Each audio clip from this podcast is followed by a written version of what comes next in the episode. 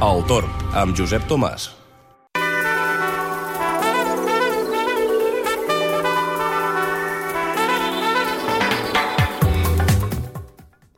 Com cada setmana tenim en Roger Soler a l'altre costat del fil telefònic. Roger, bona tarda. Bona tarda, Josep. Doncs de, de què parlarem aquesta setmana? Acabarem doncs, amb les curiositats que tenim pendent de, doncs, les de dos darreres eh, emissions, pràcticament. Doncs sí, avui acabarem, ja farem la tercera part, aquest tercer episodi de curiositats uh -huh. i paradoxes sobre el sistema atmosfèric i sobre el sistema climàtic i si vols entrem en matèria perquè tenim algunes preguntes més que poden ser força interessants Vinga, doncs som-hi. nostres oients. Moltíssima gent quan va en avió, segurament molts dels andorrans que han anat a Nova York, eh, sempre hi ha en els vols, sempre posen no, els horaris i es poden preguntar per què un avió tarda més de Barcelona a Nova York que no pas de Nova York a Barcelona, no? Uh -huh. Que de Nova York a Barcelona és més ràpid. Doncs eh, tot respon al corrent en jet, a la circulació a les capes altes troposfèriques de l'hemisferi nord, que tot va d'oest a est. Uh -huh. De Nova York a Barcelona podríem dir que els avions, els pilots, aprofiten aquest corrent, aquesta velocitat del, de la massa d'aire de 400 km per hora a la troposfera alta, Sí. doncs per gastar menys benzina, Uh -huh. per tardar menys. Per tant, diguéssim que aprofiten l'embranzida d'aquest vent per, van a, a, a, encarats, van a favor del vent, per Mhm. dir-ho d'alguna manera. I en canvi, de Barcelona a Nova York al revés, van a contracorrent, no? Per, a contracorrent del corrent del Sí, sí. jet. Per tant, aquesta seria una mica l'explicació purament atmosfèrica, no? Eh, És curiós, sens dubte és curiós, uh, veure com els, els corrents atmosfèrics són aprofitats doncs, per, per l'aviació, també, no? El que passa que jo sempre m'ho he preguntat, eh? Tu saps que la corrent en jet no és sempre en un lloc i constant, sinó que es va ondulant. Exacte, es, es, es va ondulant, però sí que és cert que sempre va d'oest a est. Mm, el Es que passa... ondulant a latituds més altes, una, passa una mica latitud, potser s'ondula una mica més, però en general seria una mica això, no? Mm, sí, clar, mai potser agafarem els 300 o 400 km per hora, però 100 i escaig eh, de cua doncs sí que els podem agafar. Sí, sí, sí, tant. Eh? Si et sembla, anem a, anem a mm, avançar amb una altra pregunta. Sí? Ah, que diu, quina és la prova o l'argument que justifica que la causa de les estacions de l'any no sigui la proximitat entre el Sol i la Terra, sinó la inclinació terrestre? Perquè, de fet, a la societat en general, si, Mhm. si ara féssim una enquesta, una estadística i preguntéssim uh, quina és la causa de les estacions de l'any, la gent diria, home, doncs la proximitat del Sol respecte a la Terra, no? Clar. I realment no és així, és la inclinació terrestre i la rotació de la Terra respecte al Sol. Mm És que, quina prova ho demostra que no és així? Doncs perquè, la, per una, per, en primer lloc, perquè les, les estacions de l'any es donen um, oposades en els dos hemisferis Sí? i perquè el, el, és a dir, a la proximitat del Sol hi ha dos moments, no? La proximitat del Sol i la Terra s'anomena perieli, Mhm. quan està més pròxim, i és el 3 de gener, i la llunyania, quan està més lluny, és la feli, que és el 4 de juliol. Per tant, la, la inclinació terrestre explica que aquestes estacions de l'any i no la proximitat entre el Sol i la Terra, perquè, perquè a, a, realment el perieli i la feli es donen, es donen en els dos hemisferis, no? Mhm. Per tant, a l'hemisferi sud, a l'hemisferi sud, tota la zona d'Austràlia, tota la zona uh, de l'Antàrtida, hi ha, uh, hi ha coincidència d'estiu perieli i hivern afeli. Per tant, les estacions poden ser una mica més contrastades, una Mhm. mica més fortes, perquè coincideix el seu estiu en la proximitat del Sol, per tant, entra més energia, i també coincideix l'hivern amb la seva llunyania del Sol. Per Mhm. tant, hi ha més opacitat o menys energia, no? Sí. Per tant, diguéssim que la, la, el fet de que les estacions de l'any es donin simultàniament en els dos hemisferis i que no coincideixin el perieli i la feli, doncs a, a l'hemisferi nord, per exemple, que no coincideixi aquest fet, doncs explica que no pot ser la proximitat entre el Sol i la Terra, perquè si no seria homogeni. Si fos la proximitat del Sol i la Terra, doncs el perieli afectaria de la mateixa manera l'hemisferi nord i l'hemisferi sud amb una sola estació. Mhm. No és així. Per tant, queda clar que és la, la inclinació terrestre la que marca l'estacionalitat aquí a, al planeta Terra. Eh? Sí, doncs eh, escolta, queda, queda ben entès eh, aquest dubte, bàsicament existencial, podríem dir. Doncs sí, i després hem de- hem d'explicar de, una altra cosa. Com podem explicar que el vent incrementi la sensació de fred a l'hivern, però alhora impedeixi que baixi la temperatura? Mhm. És curiós, això també. Sí, clar, Perquè sembla un- contraposat. vent, és a dir, la percepció i la realitat varien, no? Quan fa molt vent, potser a, a Mercuri marca menys fred, no marca no tanta no temperatura tan baixa, però alhora tenim més fred perquè ens treu la, ens treu la calor corporal, per dir-ho d'alguna manera. Mhm. Uh -huh. és això? La causa és que el vent, diguéssim que ens treu, diguéssim, ens allibera la, la calor corporal que, que va emmagatzemar el cos humà i per això notem més sensació de fred, però alhora fa que no pugui refredar-se massa la massa d'aire, perquè per una, perquè una massa d'aire es refredi hi hagi radiació, doncs necessita un encalmament, una situació d'estabilitat i de massa d'aire homogènia. I el vent remou, remou, va removent la massa d'aire i fa que no es pugui estar quieta i que per tant que no pugui refredar. Uh -huh. Doncs Roger, digue'm, digue'm. Sí, en, teni, en tenim un altre, eh? en tenim un altre. D'acord. Perquè, a, a, a, a veure si me la contestes tu, aquesta, va. Vinga. Per què, la, per què el, una massa d'aire càlida és potencialment més inestable, uh, però en canvi on les zones d'aire fred, les bosses d'aire fred, um, realment um, originen o provoquen més nuclis uh, tempestuosos, més nuclis convectius? Bueno, depèn on estiguis, no? Si estàs en una zona de muntanya, l'aire fred quan puja, doncs té tendència a perdre la seva capacitat portant d'aigua i potser doncs, um, forma més, més nuvolades que no pas un aire càlid però realment l'aire càlid, al ser més lleuger, al ser menys dens, té mm -hmm. capacitat de generar moviment ascendent, I tant. tant provoca que la, que la convecció sigui una mica més efectiva, no? I sobretot a l'estiu.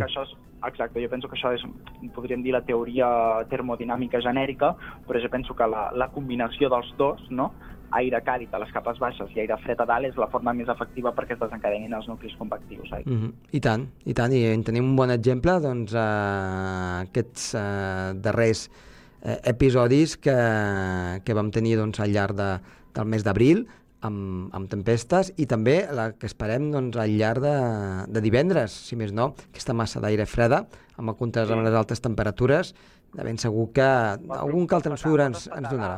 Pot espategar, i tant. Mm -hmm.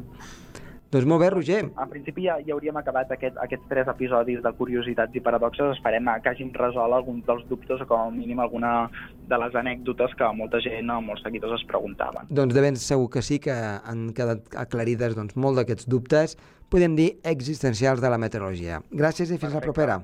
Fins la propera. Adéu. adéu.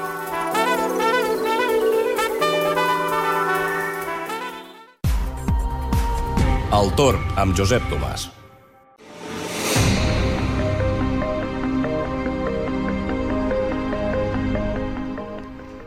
Comencem l'entrevista d'aquest dijous amb una companya de feina, Lourdes Prat, que condueix el programa Paradís Terrenal i que parla de coses, de coses molt interessants i avui l'hem demanat doncs, que ens acompanyés en el programa Tor perquè ens parli eh, una mica de com el temps, eh, la meteorologia, eh, ens pot afectar la salut i quines coses, quines relacions tenen l'una amb l'altra. D'això en sap molt la Lourdes i li donem la bona tarda. Hola Lourdes, bona tarda. Hola, gràcies per convidar-me. I tu, gràcies per venir. Um, parles de com afecta la meteorologia a la salut, que moltes vegades ens ho demanen els meteoròlegs i sempre els diem, escolteu, nosaltres no en sabem molt d'aquestes coses, no som metges, no sabem doncs, com afecta les altes i baixes pressions i diem coses a vegades que poden ser una bestiesa. Però clar... Eh, tu... Però no, perquè vosaltres sabeu, eh, o, o crec que és un compendi de el que sabeu vosaltres amb el que saben els metges, no? Per exemple, quan hi ha aquest dolor d'articulacions, eh, vosaltres sabeu que a l'aire hi ha alguna diferent, no?, dels dies de sol o un dia amb humitat, eh, doncs perquè hi ha aquesta humitat fa Clar, nosaltres podem dir, doncs, les dades científiques, doncs hi ha humitat, que és aquesta, uh -huh. hi ha aquesta temperatura i fa aquest vent. A partir d'aquí clar, eh, parlar d'alguna altra cosa ens és difícil, no? Uh mhm. -huh. Moltes vegades per mm, experiència d'altres persones doncs ens atrevim a dir alguna cosa, però per això avui volíem que, que ens parlessis doncs, de tots aquests temes que sabem que en el teu programa doncs, els tracteu i, i força. Doncs mira, un, un dels temes que, que la gent nota molt i que jo no sé, m'imagino, no sé si vosaltres que creieu que, que no és el temps, us passa que quan fa un dia així que comença a estar com que surt el sol o, o que venen núvols, que està mig-mig, eh, tens el cap com més espès, no? Com més... Doncs sí. sí la no? veritat és que sí, moltes persones diuen eh, bé, eh, ha baixat la pressió o alguna cosa, i a vegades mires i dius no, no, uh -huh. si el que ve és un anticicló.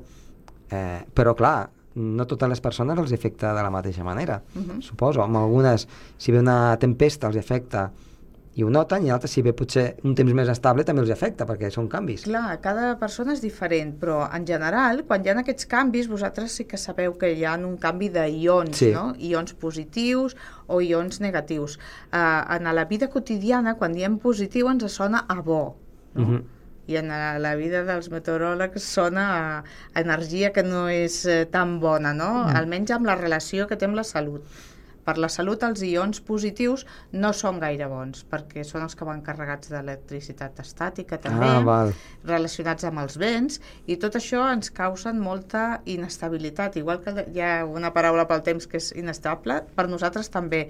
I fins i tot eh, fa que la gent estigui més irritable, Sí? que es cansi més, eh, més aviat i que tingui fins i tot eh, insomni.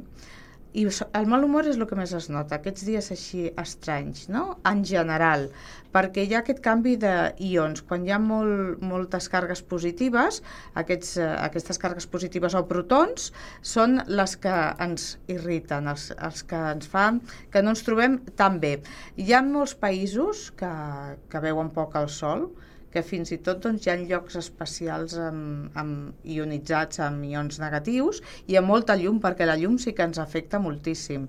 La llum ens afecta i, i és, la necessitem per aquest equilibri entre la nit i el dia i el poder descansar.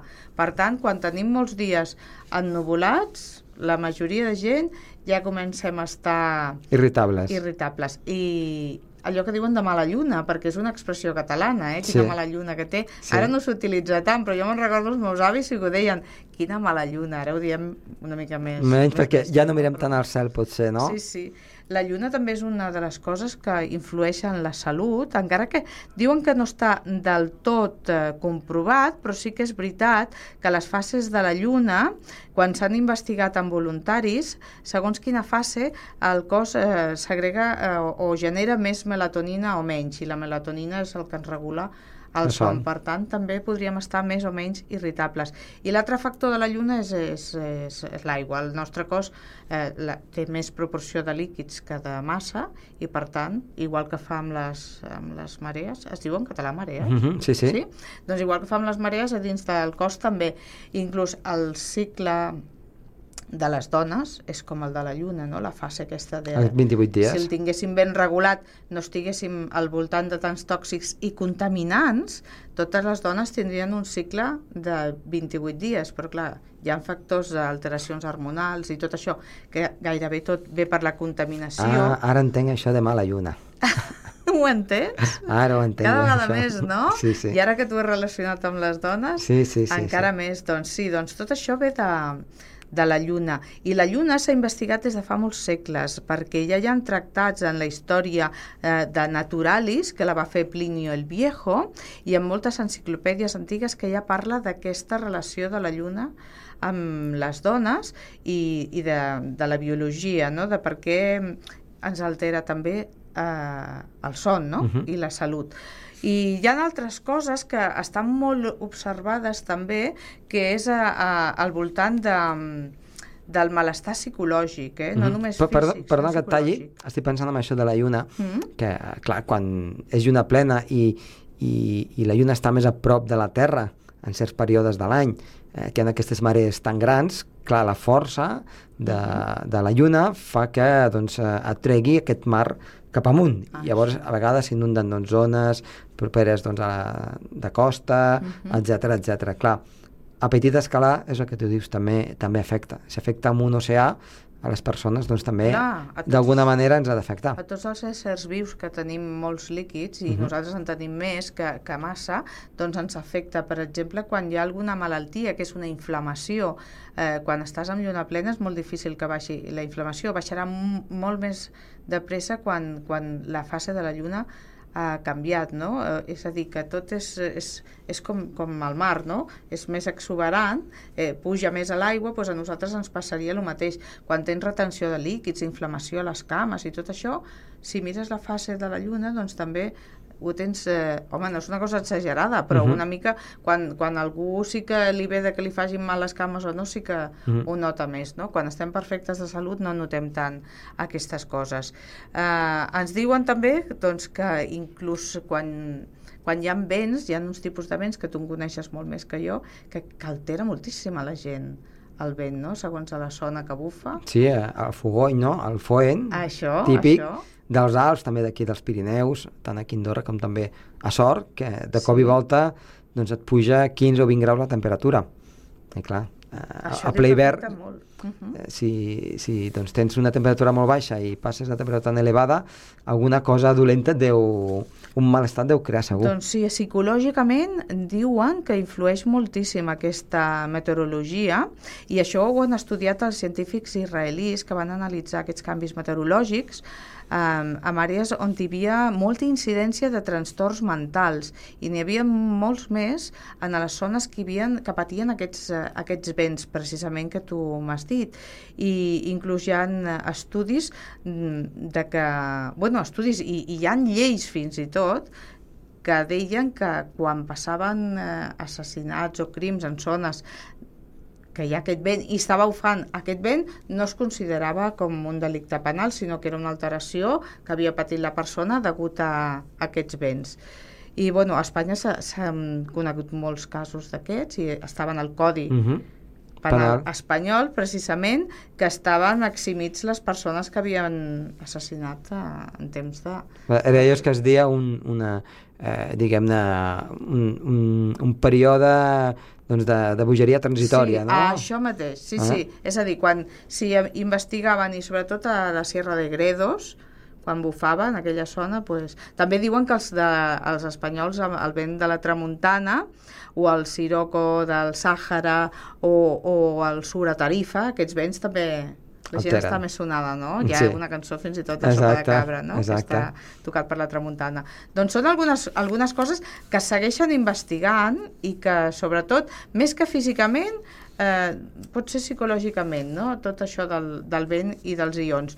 Però la part de, del mal de cap, els insomnis i tot això sí que sí que ho hem de tenir molt en compte. A més a més, eh, afegim que tot això hi ha molta contaminació també i que després d'una bona pluja, a part de que tenim els ions negatius, que són els bons pel nostre cos, ja ha netejat tot l'ambient i ens sentim molt millor. Que és, eh, seria allò que se'n diu l'ozó, no?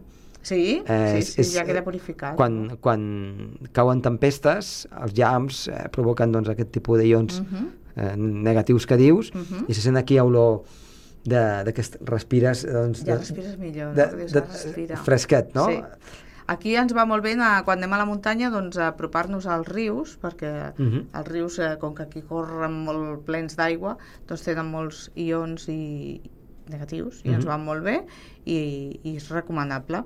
Tot, tot i que aquí, quan hi ha vent, i com que hi ha molta càrrega d'electricitat estàtica, Sí, i tant. aquí també ens posem una miqueta així de mala lluna, eh? No, sobretot a l'hivern, que sempre ens enrampem. Ens arrepem a tot arreu. I a més a més, com que les nostres muntanyes tenen molta pissarra, la pissarra encara absorbeix més aquesta electricitat estàtica i vas arrampar-te per tot arreu. Seria ideal que tinguéssim com una toma de terra dins dels edificis. Mhm. O com aquest que tenim nosaltres, tan tancadet i que tot està aïllat i anem amb soles de goma, doncs anem tot el dia enrampats per Clar. tot arreu. Mhm. I, I tot això doncs tampoc és bo, eh, pel cos, per la salut tampoc és bo. Clar, perquè no acabes de descarregar, no? Mai, mai. El que tindrien que fer és, eh, almenys un parell de cops al dia, és anar a algun parc i, i caminar descalços, que aquí en tenim uns quants de Mhm. parcs, o, o si- simplement posar l'esquena contra un arbre i ens descalcem, que toquem la terra i llavors ja baixa Mhm. tota l'electricitat estàtica i ens sentim molt millor, això segur. Mhm. Ara que parles dels arbres, eh, he sentit a dir que Mhm. eh, els arbres eh, tenen com una vida que tu la pots sentir i que hi ha gent que abraça els arbres. Això és cert? Hi ha un moviment que diuen abrazar los árboles, no? I, i, i que és a nivell mundial i, i, que, i que et pots sintonitzar amb l'energia de l'arbre. El que sí que és veritat és que l'arbre és un ésser viu, té una vida, encara que ens sembli que és un tros de fusta, i que, a més a més, ens ajuda moltíssim. A- Primer perquè ens descarrega, i, i segon, si ens acostumem a, els arbres aquests grans sí que et donen com un relax, com una pau, però perquè t'absorbeixen tot el que tu puguis portar negatiu a sobre, no? I la veritat és que hi ha alguns arbres, que això ja, ja s'ha d'estudiar més, no? Que, que segons on te, com estiguin les energies telúriques que passen per sota de la Terra, doncs sí que t'influeixen molt i fins i tot et poden fer de, de protecció dels llocs on estan ubicats. De fet, quan tu veus arbres que estan de cantó, vol dir que allà aquells arbres que, que per molt que dius però si el- intentem que estiguin tots drets i hi ha una zona de tot aquest bosc que hi ha tres o quatre arbres que estan tots que creixen completament quasi, quasi horitzontals, no? Doncs allà hi ha alguna, alguna via d'aquestes a, a sota la terra, uh Mhm. -huh. o hi ha un llac artificial, o, o alguna via telúrica de diferent, que, que no, no li va bé aquesta radiació i vol escapar-se, però clar, com està Clar, posat estan- a terra no es pot escapar, no? Clar, perquè l'aigua per sota terra ens influeix negativament o positivament? Influeix negativament moltes vegades. Això sí que s'hauria... Això t'han de fer un estudi de les cases, perquè ara no es fa res per fer una casa. Un Mhm. convé es fa una casa, no? Sí, clar. Però antigament sí que, que s'estudiava moltíssim i els primers poblats, els primers pobladors de, de, de qualsevol eh, època de la història, eh, fins i tot convocaven a, a, a banda dels arquitectes o els que en aquella època tenien que construir els astròlegs i els astrònoms.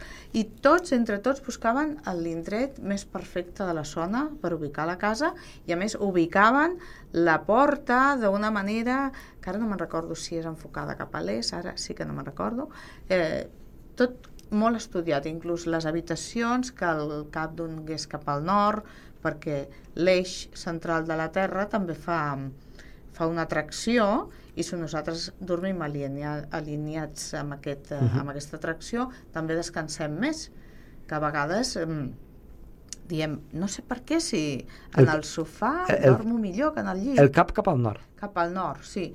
I sí, és molt difícil a vegades en les cases Clar, modernes, no? has de ficar potser Clar. de través, vés a saber. I si no hi ha alguna manera també, hi ha unes, com uns punts magnètics, com uns imants, que distorsionen aquest eix de la Terra i el pots posar en, el, en la capçalera del llit o alguna cosa que, que faci com de nord Mhm. i llavors ja dors millor. De totes maneres, el, hi ha estudis de Feng Shui que posant alguna coseta diferent també t'ho podien equilibrar perquè allò que et deia, que hi ha gent que dorm molt bé en el, en el sofà de casa i quan va al llit No ja no dorm i a lo millor només és que és la posició Clar. el sofà està ben col·locat i, i el llit està al contrari Mhm. són petites coses Mm. Ja, ja per acabar, una mica, eh, vivim doncs un dia a dia, fins i tot aquí a Andorra, estem a la muntanya, estressat, has d'anar aquí, has d'anar allà, horaris.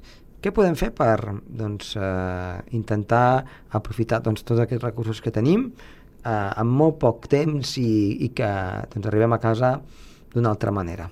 De tot el que tenim aquí en el nostre entorn, Mhm. eh, de la nostra natura Sí, doncs mira en, en poc temps, perquè en clar, poc temps Què podem fer? Temps. Mira, depèn de la zona, jo això m'ho miro molt perquè, perquè la nostra feina és la que més enrampa, em sembla, de tot el país. Potser hi ha alguna més, però la nostra enrampa moltíssim. I clar, això, això sí que es nota moltíssim, eh? I, i eh, ens molesta molt perquè no ens donem compte i som més irritables eh, i, i ens canvia l'humor i cada dia acumular, acumular això volem tocar un company, li fas una broma a un company i li has donat una enrampada, eh que sí això fa Qui se'n recorda? em sap greu perquè li, vas amb tot el carinyo fas, i li has donat una rampada i surts al carrer i el primer que et trobes li vols fer un petó i nyaca, te quedes enganxat i, i el que és molt fàcil és buscar quina zona verda tenim a prop que hi hagi algun arbret o que hi hagi gespa, que hi hagi terra. I quan tenim una estoneta, si, a més, si tenim ubicat un banc, ens assentem al banc, ens traiem les sabates i toquem a terra. Que hi ha un arbre, ens apugem. Tenim el parc central ple d'arbres, de gespa, que ens deixen seure. Doncs anem cap allà, a- apugem l'esquena contra l'arbre i descarreguem. A lo millor només hem de fer una mica de volta per anar cap a casa i en comptes d'anar doncs, per tot l'asfalt o per tota la vorera, entrem pel parc, trepitgem una miqueta i ja anem aprofitant. I al cap de setmana, quan tenim algun dia lliure, ens anem a la muntanya i busquem algun lloc que passi al riuet. Ens estirem allà una estona, llegim allà un llibre o, o ens relaxem i fem meditació i, i ja està. Doncs escolta'm, amb, amb aquests consells, qui no ho faci, doncs eh, prou ruc serà, eh? perquè és molt senzill això que, que ens acabes d'explicar. Lourdes, moltíssimes gràcies, ha estat un plaer. A tu.